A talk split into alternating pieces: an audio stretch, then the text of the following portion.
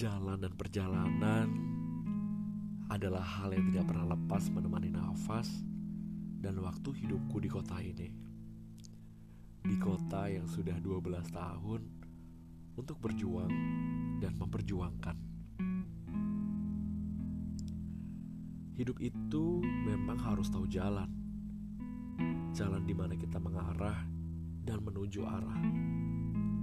Arah untuk dapat menikmati perjalanan sekarang atau ke depan.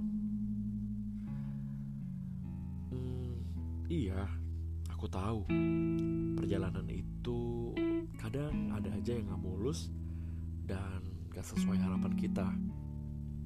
Padahal kita udah baik. Iya, baik-baik aja.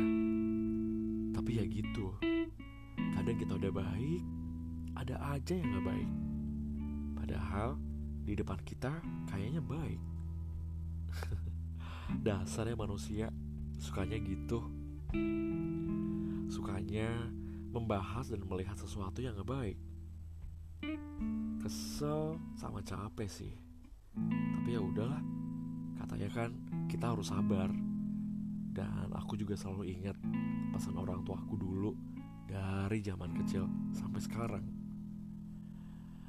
Urip kuwi sing penting niatnya apik dilakoni apik dihadapi aku kudu apik meski pastine ya mengko ono sing apik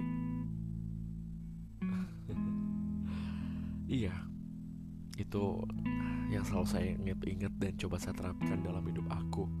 Ketika aku kadang ngerasa capek dan kesel ngadepin orang-orang. Tapi ya udahlah. Karena kalau aku sedikit cerita hingga akhirnya tempat yang paling aman untuk aku bisa lebih melepas rasa dan mengamankan raga adalah tempat di mana aku selalu pulang, datang, dan berangkat dari tempat ini. Sebuah peta kecil di ibu kota yang menurutku tempat ternyaman sedunia. Iya, di ruang-ruang kotak yang bertumpuk-tumpuk dan berjajar-jajar di sudut ibu kota Jakarta, sebelah utara. Dari mulai sudut di mana aku bersandar sambil menghela nafas sedalam-dalamnya. Dari sisi di mana aku bisa melihat refleksi diri dan kehidupan yang lebih dalam.